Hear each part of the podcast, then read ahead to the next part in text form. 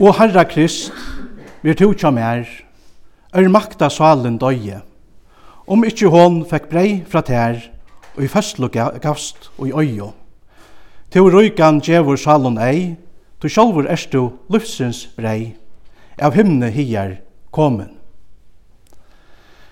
Hes i årene som vi da sunnje, lysa av en gauan hatt eh, evangeliet om han, som sier om seg sjálfan, er er luftsins brei. Okkurs om 5.000 menn var saunaier om Jesus henda dagen vi Galileo vattnet. Tja, Matteus får vi òsni at vita at dette var omframt konor og bøtten. Mannamikvann hever altså vært øyliga stør enda dagen. Kanska omlai enn 20.000 Men hvert var det som fikk så mange mennesker å saunast om Jesus? Ta.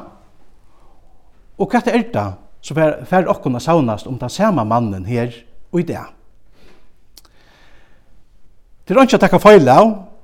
Jeg beie mannamikvann ta, og vi ter i det, saunast om Jesus, tog at det er nekka helt særligt vi honom. Men hva er det som gjør han så særlig? Til den avgjørende spurningren. Hvor er Jesus? Og hva er han fyrir det og med? Omtrene som Jesus gjør det, finko folk og i haupatale til å fylle hånden etter. Og etter var også stedfest for jokken, og eh fyrir ut i samme kapitlen her vi lesa, og stor mannamikva fyllte jokken, til at de så de tekjen som han gjør det at de er. Fer etter fer så tja vit at Jesus hevur miskunn vi menneskjon. Han ser til sjuko og tekur hjertaliga syndutøymon og grøyper så inn. Han gjør det frusk. Og vi sutja at han enda hoksar om okkara dagliga brei. Så større miskunn hever han fyrir jokkon. Han hoksar òsni om okkara dagliga brei. Hver skulle vi kjeipa brei, så at hese kunne få han ekkat ekta, sier han vi Filippos og i femte verset og i det samme kapitlet. Så Jesus hever altså miskunn vi okkon til at snur seg om okra likamliga tørv. Han sa likamliga tørven til hese sveltande mannamikvene og vilde takka seg av tøymon. Og tog brukar han òsne søyna skapar meie og mektar alla mannamikvene vi fem breion og tvøymon fiskon.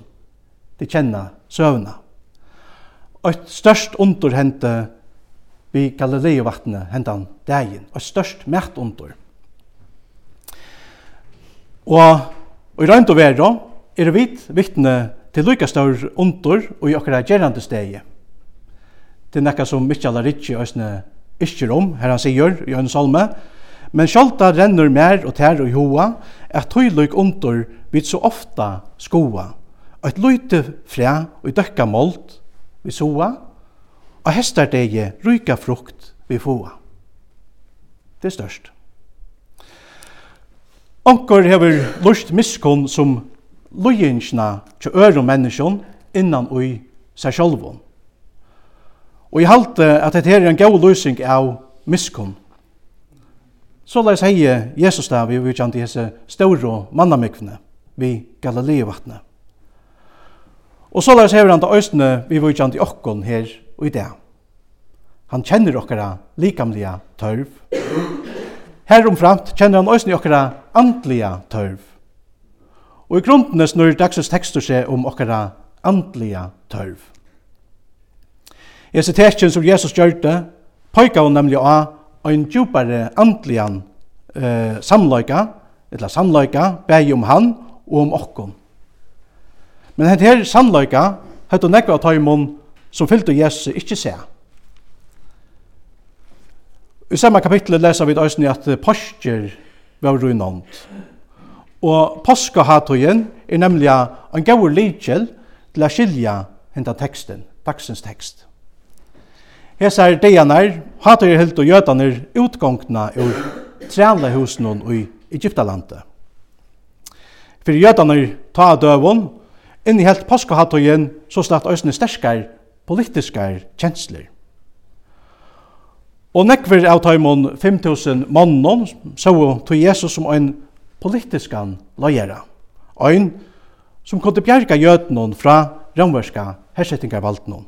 Lykka som Moses hei bjerga Uysesfeltje ut ur Egyptalandet. Hesen tanken gjørtust enn sterskare etter at Jesus hei mekta hina stauro mannamikvna vi fem breion og tvoimon fiskon. Etta sa falskje nemlig som eit oppfyllelse av einon lyfte og i fymto mausebauk. Etta stendur, Herren godtøyn, man vekje opp av brøvrun tøynon, profet, tøylykan som er, altså Moses. Han skulle tid loja Og hette er røysene årsøkjen til at eh eller feltjene bør seg et så leis som de gjør då, etter at de hadde vært vittne til dette ståra mætundre. Hesen er av sånnen profeteren som, som koma skal og i heimen, søtte de. Hesen er profeteren. Hesen som nå av underfotland hatt hei mekta feltje og i øyemørsene, måtte av sånnen være hinn 17. Moses.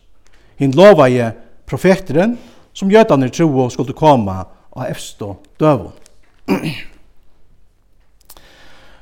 Og i tre og ølt sier en rabbi Isak til dømes at lykka som hinn fyrre endeløsnæren fikk manna til å komme nir av himne, så la skulde hinn søttene endeløsnæren òsne få manna til å komme nir av himne. Og henta vånen om at Messias skulle få brei til å komme nyer av himne, lykka som Moses, er vi kanska langt å være til stier mittlen jødanar og Jesu døvun. Tja Johannes lesa vi ikke om at falskje tok feil, ta de jansette Jesus vi hente her lovaja, profeten. Men Johannes legger korsene i denta at de tok feil av Jesus og hans gjerninge, og tog at de øynans hoksa om de ytro vidskiftene til at de hilt og, eller at de vil og gjøre Jesus til kong, viser dere øyne av just det. De hoksa jo kanskje at om hetta var hins 17. Moses, så får han å i var øyne av bjergetøymen fra koan, lykka som hinn fyrre Moses sier gjørsta. Tja Jesus sier høttet deg langt å se, hvordan han mekna jeg reka bæge sjuko og hungersnei bostor. Om han bæra nu òsne kunne vise sunna meie, og rekka hersettingarvalde bostor. Men hendan tankagongden samsvarar ikkje vi tangerningen som Jesus var kommet for å fremja. Han var ikkje bara kommet for å vi djeva om brei og politiskt fralse. Nei, han kom for å nøkta og nekv større tørv. Nekka som ikkje øynas mannamikvan ta av døvun tørveie, men òsne nekka som begge to og jeg hava tørva. Nemlig at syndana fyrigjeving og evigt liv. Det har vi et bruk for det. Og i grunden er det henda merten og i undre vi Galileivatnet pojkar framma. Det kan vel være at vi lujtjas nok som nekvise mannamikvene vi Galileivatnet. Vi tuksa om mert, det er pura vanligt, vi tuksa om mert, politisk fratse og så videre. Men mætor og fratse finst som stinker djupare enn så. Og til henda mæten og hekta fratse som Jesus bjauar okkom. Lukas så videre sveng ta bokgrunn er taumor, så da har vi et østnig en andelig antørv, tog at her er et taumrum og hjertanom. Onkur kallar det eit godforma tomrum. Eit godforma tomrum. Og etter òsne årsøkjen til at kyrkjefeiren Augustin sier «Tu vil skapa okkon til tunn sjåls, og okkara du hava ongan fri fyrr enn de finna fri og i tær. Lukka som føje finst fyrir okkara likamlega tørv, så løs finst òsne føje fyrir okkara andliga tørv. Og Jesus han sier om seg sjálvan at han er tann andliga føyen som to og er hava bruk fyrir. Han sier, arbeid ikkje fyrir ta merten som forferst, men fyrir ta merten som værer vi til evigt liv, som menneskesåndren skal djeva tikkum. Og så vidt av hørst i evangelion, sier Jesus om seg sjálvan, Jeg er livsens brei. Som sagt, pojka og hesetetjen som Jesus gjørte av en djupare andlian sannløyga. Jesus er ikkje berre ein nutjur Moses, som fer manna til å koma nyr av himne. Hett måte lyser han seg sjálvan som sjálft breie. Han er breie av himne. Han er lufsens brei. Lykka som manna var Guds gava til Israels folk og i øyemørsene, Så lærst er Jesus nu òsne sjálfur Guds gava til okkom. Vi er jo öll øynare andligare øyemarska gongt, kom vi sija. Vi tar öll ein andlian tørv.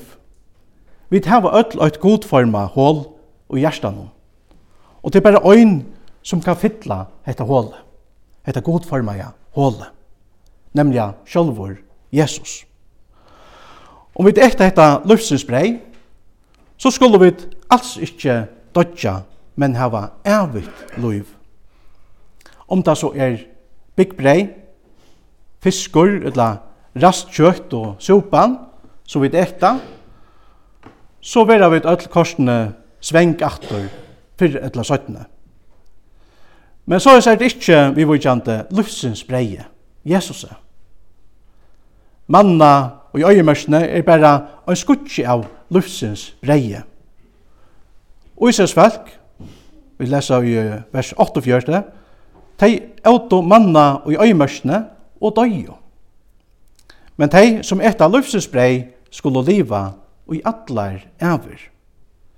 De hava stige i rom fra deianon til løyve. Jesus han grøyer sjálfur fra hvordan det blir til at løftesbrei hever så ståra makt i ved deg Han sier, og breie som jeg skal djeva er holdt mot, som jeg skal djeva heimnon til løfts. Jesu deie er altså det som djever heimnon løyv. Av Golgata lyser Jesus sjálfur deias rævliga myrskur og glættan. Her råpar, God mun, God mun, hvor fyrst du fram er. Til hekta myskre og henta glættan som Jesus er kommet av fredsokkom undan. Han råpar disse rævlig årene og i okkara sted, så vi skulle sleppa undan er råpa. Han vil ikke at vi skulle glættast og være skilt fra gode og i atler ræver. Nei, hætt måtte vi land at vi skulle leva i allar æver saman vi gode heima og himle. Han vil hava samfella vi okkon, ævig samfella vi okkon. Og hvem mært liva teg av som hava ævigt liv? Jo, Jesus han sier det sjálfur. Tan som etter holdt mot og drekkur blåmot hever ævigt liv, og jeg skal røysa han opp på efsta deg, sier han i vers 4 -3.